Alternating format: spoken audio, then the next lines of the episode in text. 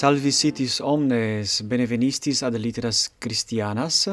Mi nomen est Mateus et odie Deo favente resumemus argumentum nostrum expositionem nostram confessionum Sancti Aurelii Augustini iam perfecimus totum librum primum et nunc agredimur librum secundum iam primam partem libri secundi a tractare potuimus et odie incipiemus tractare secundam partem libri secundi.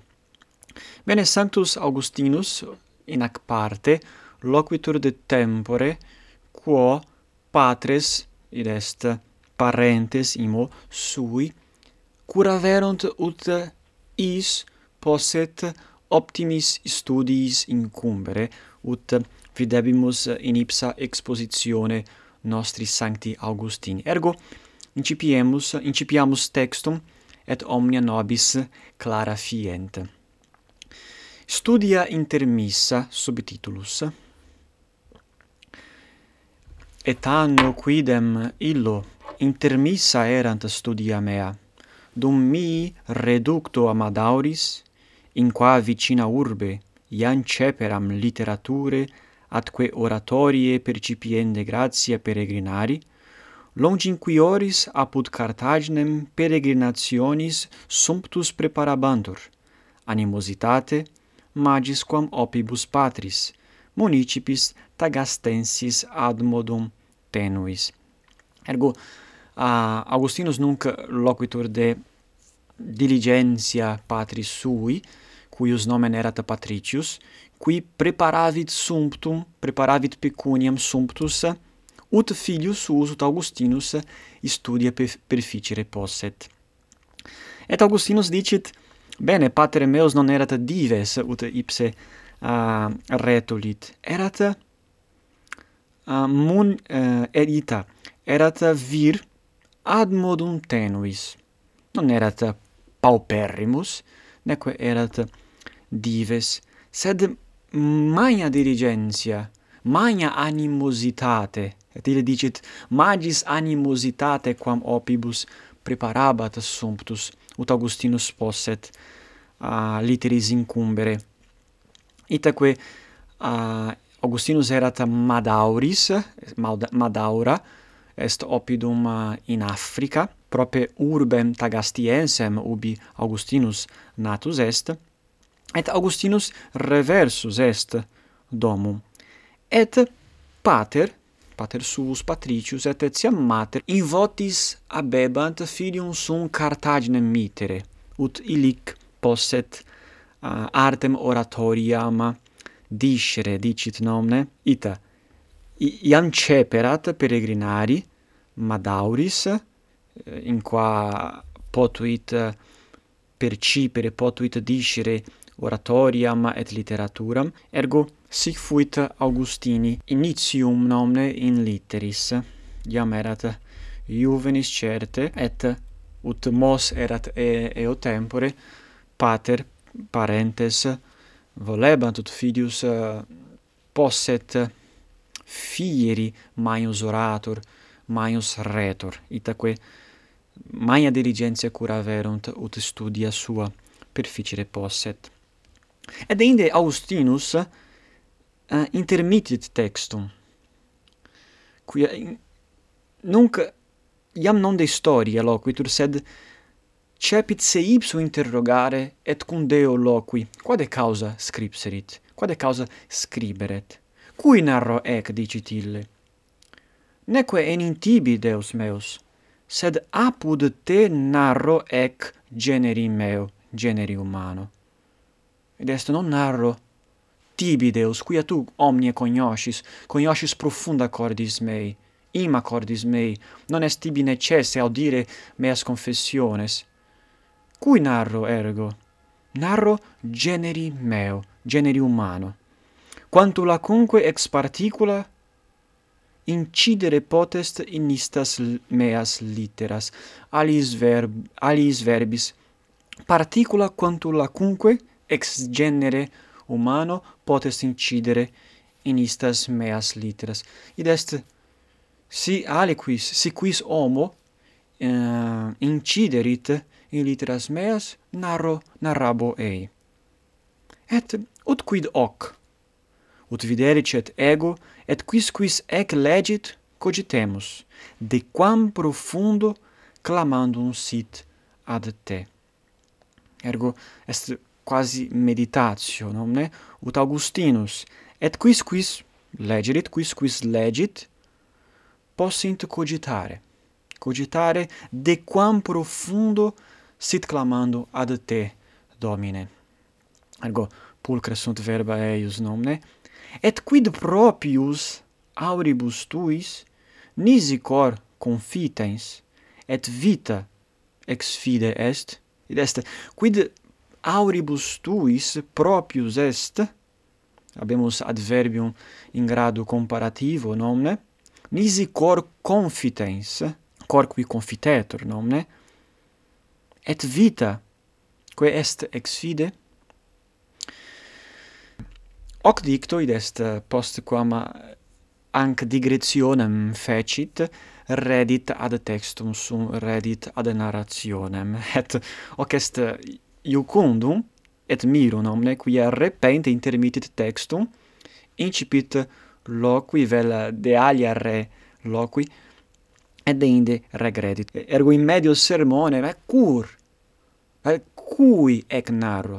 Et ille scribit nomne affectus uh, sensus id quod uh, ad ad ad eum venit eh, quasi abrupto quis eni non extolebat laudibus tunc hominem, patrem meum, quod ultra vires re familiaris sue impenderet filio.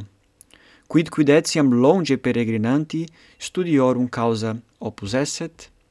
Atile uh, rogat se ipsum omne, quis, quis non extolebat laudibus patrem talem patrem qui bene non erat ad dives non abundabat pecunia sed erat vir ut dixit tenuis et ipse pater patricius ultra vires re familiaris impendit filio quia volebat uh, volebat optima filio suo cupiebat optima filio suo eh, uh, evenire et bene non solum, dicamus, et Augustinus dicit, quid quid etiam longe peregrinanti studiorum causa opus esset, des pater non solum uh, pecuniam uh, comparavit sumptus comparavit ad studia solvenda, sed etiam quecunque essent studiis necessaria, nomine qui Augustinus, qui opus erat ei etiam invenire de deversorium, etiam mm, pecunia in, eh, pecuniam impendere cibis et denis et cetera id est pater omnia curavit quis nom laudibus eh, extolleret talem hominem. Et inde pergit multorum en incivium longe opulentiorum nulle ta, nullum tale negotium proliberis erat. Sunt multi ali viri divitiores patre Augustini, qui etiam si erant divitiores non sic curabant studia filiorum suorum. Ergo pater eius erat liberalis et vere volebat bona filio suo. Sed inde Augustinus uh, adit ec cum interia non satageret idem pater, qualis crescerem tibi, Deo.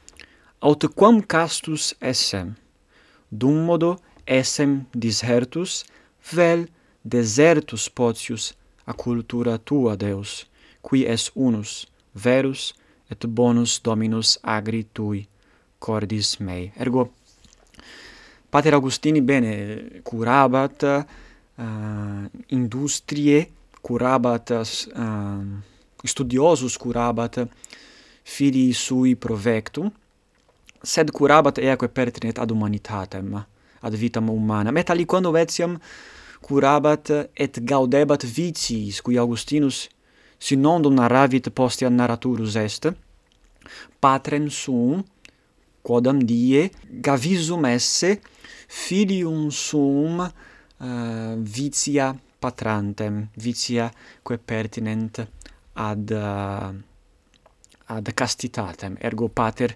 eius curabat certe studia sed non curabat ceteras virtutes itaque Augustinus dicit bene ille curabat sed non curabat qualis crescerem tibi dest qualis Christianus fierem, ot quam castus essem. Dum modo essem disertus, id est, in animo eius erat, in votis abebat, ut ipse disertus essem. Et Augustinus semper ludit verbis et dicit, vel potius desertus a cultura tua. Dis disertus codatinet ad humanitatem ad rhetoricam, sed desertus a cultura tua.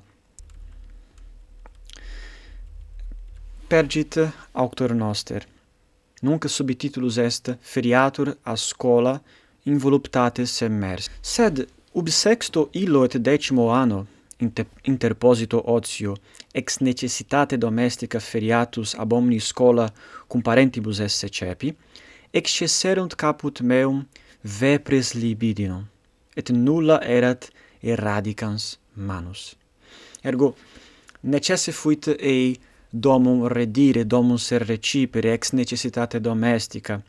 Ergo ille relinquit scolam, et cepit cum parentibus esse, ut dixi ille habitabat in alia urbe studi uh, studiendi causa sed ex necessitate domestica uh, otium interponere uh, debuit sed eo tempore quo fuit illic parentibus suis quo versatus est penatibus excesserunt caput meum vepres libidinum spine libidinum id est ille cepit eh, cedere eh, uh, illecebris humanis.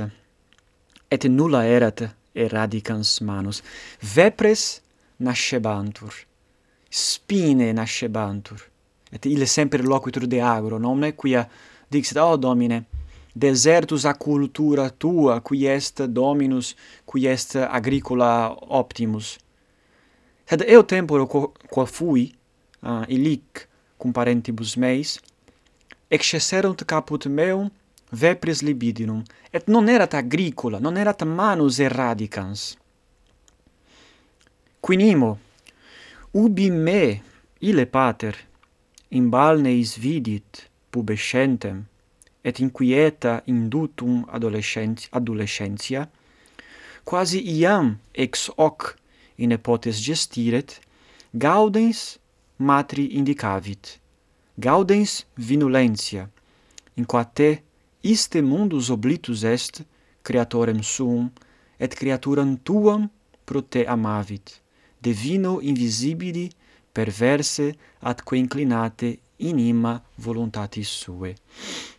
Ergo Augustinus eh, uh, ut dixi cepit uh, uh, ita cedere vitiis erat adolescens ergo pubescere cepit vel pubescebat imo uh, illa adolescentia in, inquieta in, induebat adolescentiam inquietam ut solitum est. Bene, et quodam die pater vidit filium sum in balneis res libidinosas agente faciente quia Augustinus erat adolescens sex decim annorum et pater non indignatus est id est non filium suum emendavit sed pater gaud eh, gavisus est dixit eh, uh, ita quasi iam ex hoc in epotes gestiret. Id est vidit Augustinum illic uh, res impudicas uh, agentem et ex hoc acto iam cepit se dicamus se futurum esse avum nomne in nepotes gestiret. Et indicavit matri gaudens ecce monica filius filius noster. Brevi abebimus a nepotem et pater gaudebat gaudens gaudens vinulentia. Et hic vinulentia certe non est sensu proprio sed sensu accommodato quia pater non erat ebrius. Sed gaudebat vinulentia nel senso dicamus accomodato. Vinulentia corruptionis umane. gaudens vinulentia. In qua te iste mundus oblitus est. Id est mundus perinde est ac ebrius qui nescit quo uh, eat. In qua iste mundus oblitus est te domine creatorem suum et creaturam tuam pro te amavit ita qui quia cum homo obliviscitur deum creatorem incipit amarem creaturam pro creatore divino invisibili perverse atque inclinate inima voluntatis suae. Ergo est vinum invisibile in animo hominis propter peccatum, propter peccatum originale, itaque natura humana est quodammodo inclinata uh, ad peccatum, ad perversitatem. Ergo homo cum relinquit te incipit amarem creaturas et sic uh, inclinat proclives proclivis est in ima in infima voluntatis sue in res inferiores. Sed matris in pectore iam incoaveras templum tuum et exordium sancte habitationis tue. Nam ille aduc catecumenus et hoc recens erat. Bene, bene, pater hoc dixit, pater hoc fecit, sed mater, dicit Augustinus, iam in coaveras, Deus, eh, iam iam incoaveras in pectore matris templum tuum, id est tu, Domine, tu, Deus, iam, uh, iam ceperas construere, edificare templum tuum in pectore matris, id est monica iam erat Christiana, vera Christiana eo tempore. Pater autem, ille aduc catecumenus, id est preparabat se ad, bapt ad baptisma, ergo non erat Christianus, dicamus, plenus, itaque, illa exilivit pia trepidatione ac tremore. Et quam vis mihi, nondum fideli, timuit tamen vias distortas, in quibus ambulant, qui ponunt ad te tergum et non facem. Ergo, mater, pater uh, gavisus est nomne, sed mater pia trepidatione exilivit. id est monica solicita est, timorem abebat, et tremorem quamquam Augustinus nondum Christianus erat nomne? Et um, mater timuit vias distortas eh, in quibus ambulant qui ponunt ad te tergum et non faciem ergo mater curabat salutem animi potius quam cet pergamus ad uh, ad locum sequente in sequentem. Matris monita ac sollicitudines Ei, mici, et audio dicere tacuisse te, Deus meus, cum irem abste longius, et nunc Augustinus severtit Deum, et dicit, eh, dolore, animo, dicamus, uh, animo permoto, et animo dolente. Ei, mici, et, et audio dicere tacuisse te, Deus meus, cum irem abste longius, Augustinus se interrogat, tu, Domine, cum ego cepi, dicamus, longe a te ire, tu tacebas? Itane tu tacebas tunc mici? Et cuius erant, nisi tua verba illa per matrem meam, fidelem tuam, quae cantasti in aures meas. Id est Monica admonuit filium sum, eum exhortatus est, ut relinqueret illas vias distortas, et ut reverteretur ad vias rectas, ad vias planas, ut dicamus verbi sancti Ioannis Baptiste. Et Augustinus dicit, Domine, tu tacebas, certe no, quia tu mi loquebaris per matrem.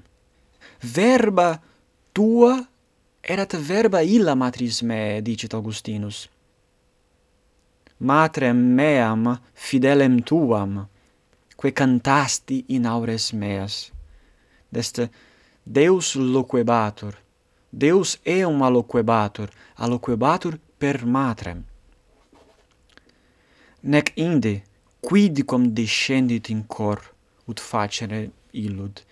Id est verba matris, vel verba Dei per matrem, ingrediuntur, ingresse sunt in aures Augustini, sed non descendit in cor.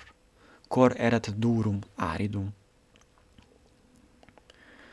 Volebat enim illa, et secreto memini, ut monuerit, con sollicitudine ingenti, ne fornicarer, maximeque ne adulterarem cuiusquam uxorem.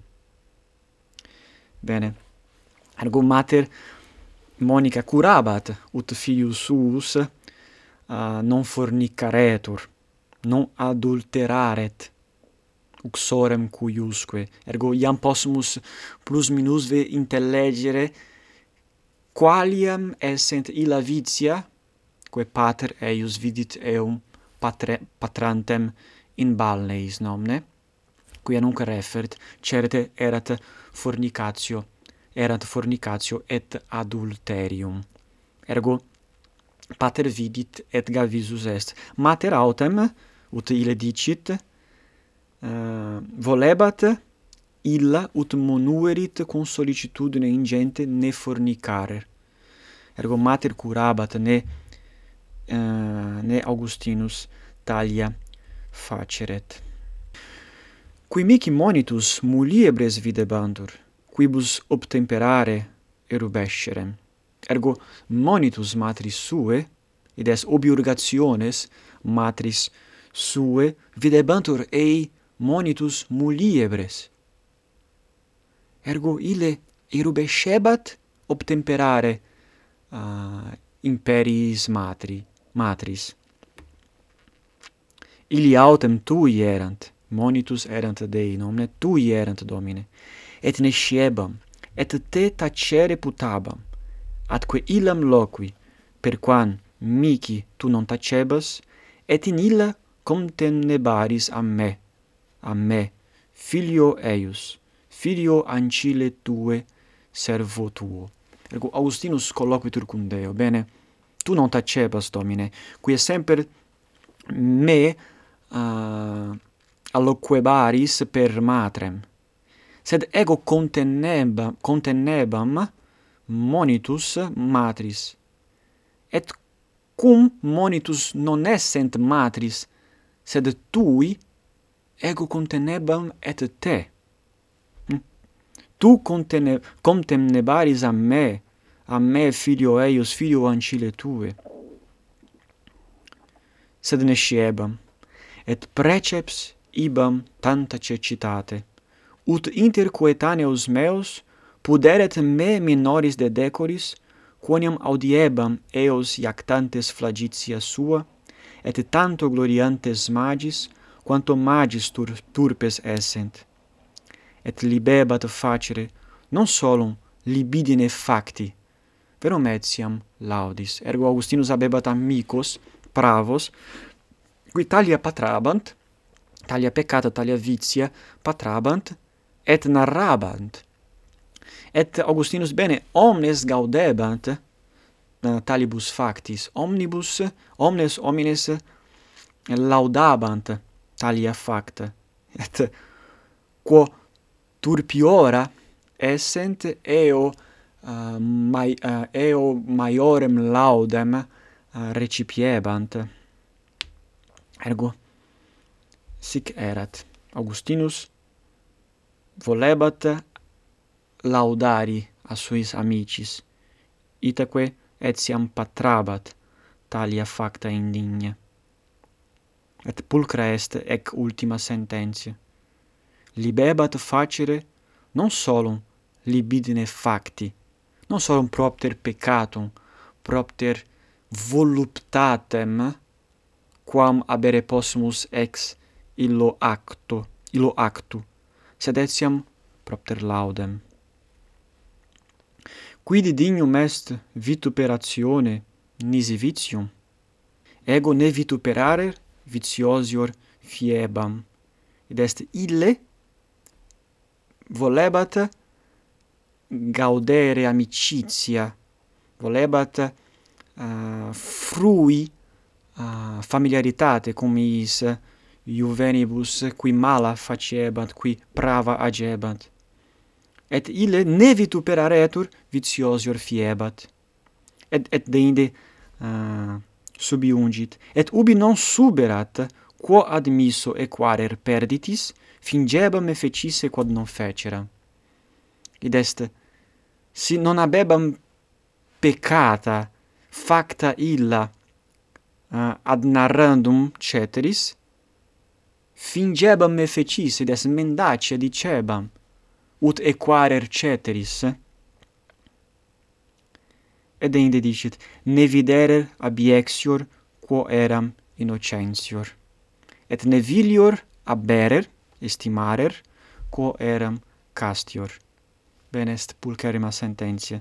Et nunc videmus cum Augustinus eh, evolvit animum sum, evolvit conscientiam suam, et invenit illic illa illos motus animi animi juvenis uh, certe quae fortasse nos cum nostra facta preterita excutimus non videmus ergo Augustinus inspicit, Augustinus examinat singula subtiliter.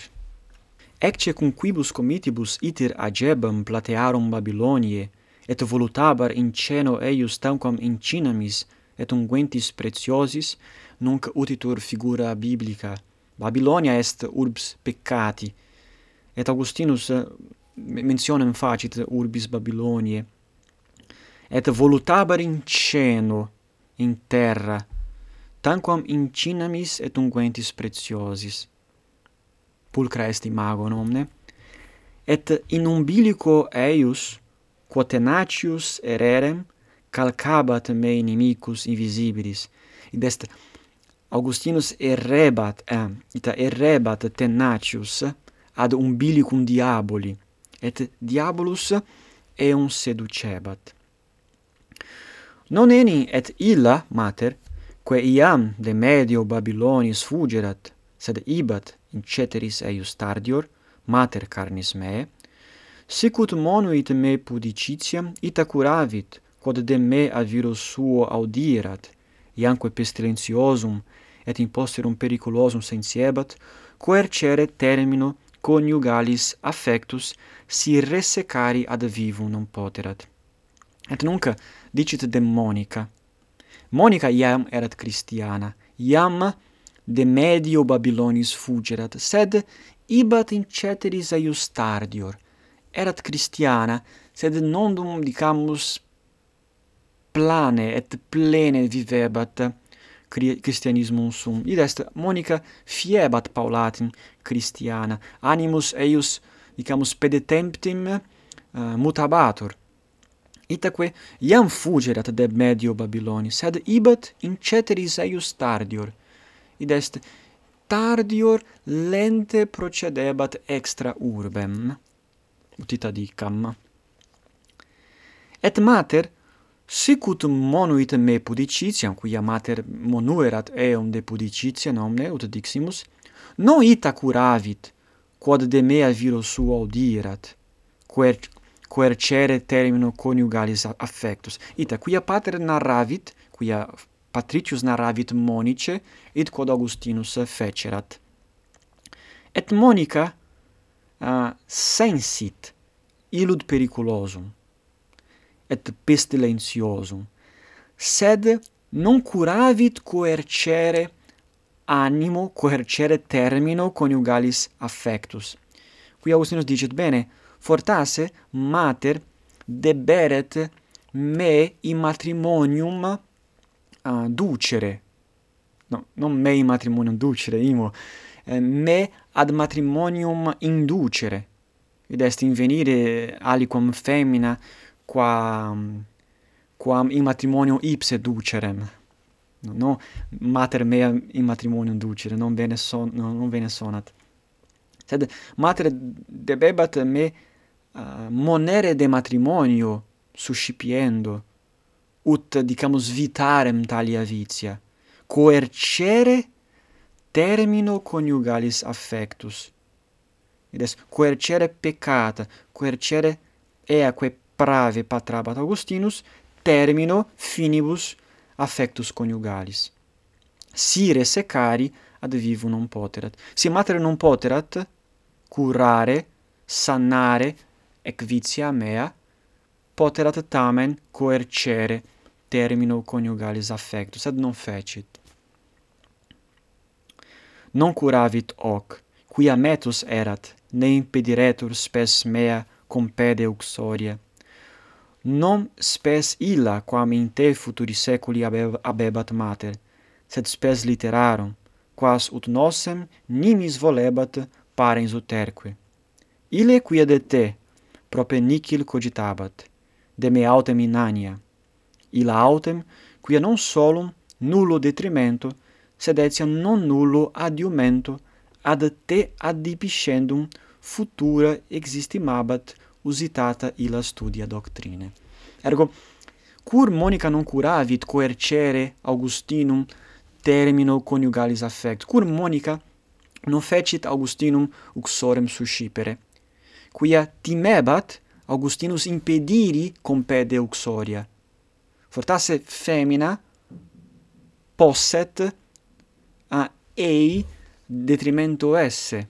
Les studiis ei, eius detrimento esse. Ita quae mater hoc non fecit, dicit Augustinus. Quia erat spes literarum. Et non solo mater, sed etiam pater. Pater quia, dicit ile, ille quia de te prope nicil cogitabat, de me autem inania. Ergo pater cogitabat inania. Sed mater quia Monica putabat um, Augustino prodesse studia. Et non solo prodesse Augustino uh, homini, sed Augustino futuro Christiano. Omne non nullo adiumento ad te adipiscendum futura existimabat usitata illa studia doctrine.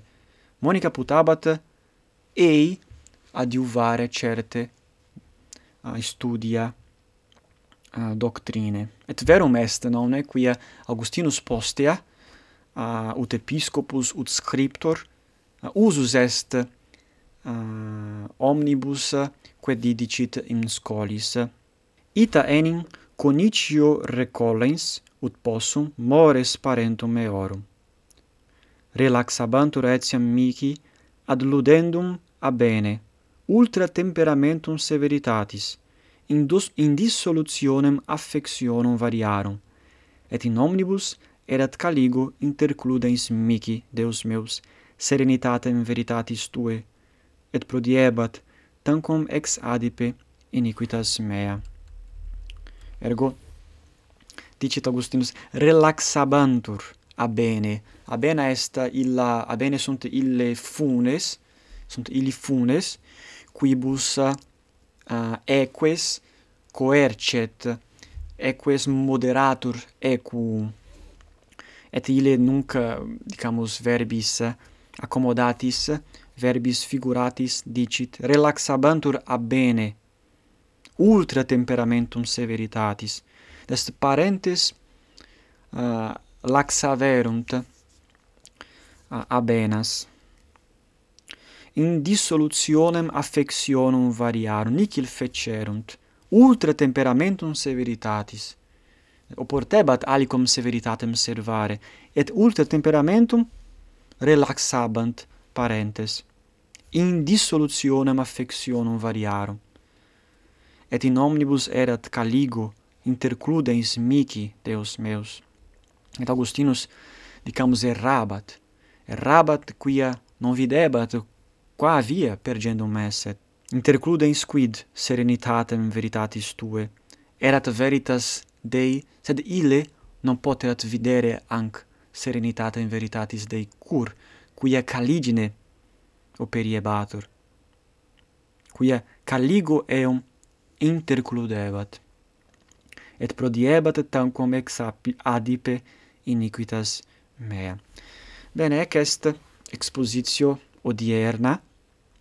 Spero vobis placuisse et vobis prodesse et imposterum certe pergemus et ceteras partes explorabimus uius libri secundi et deinde etiam ad alios libros si Deus nobis vires daturus sit.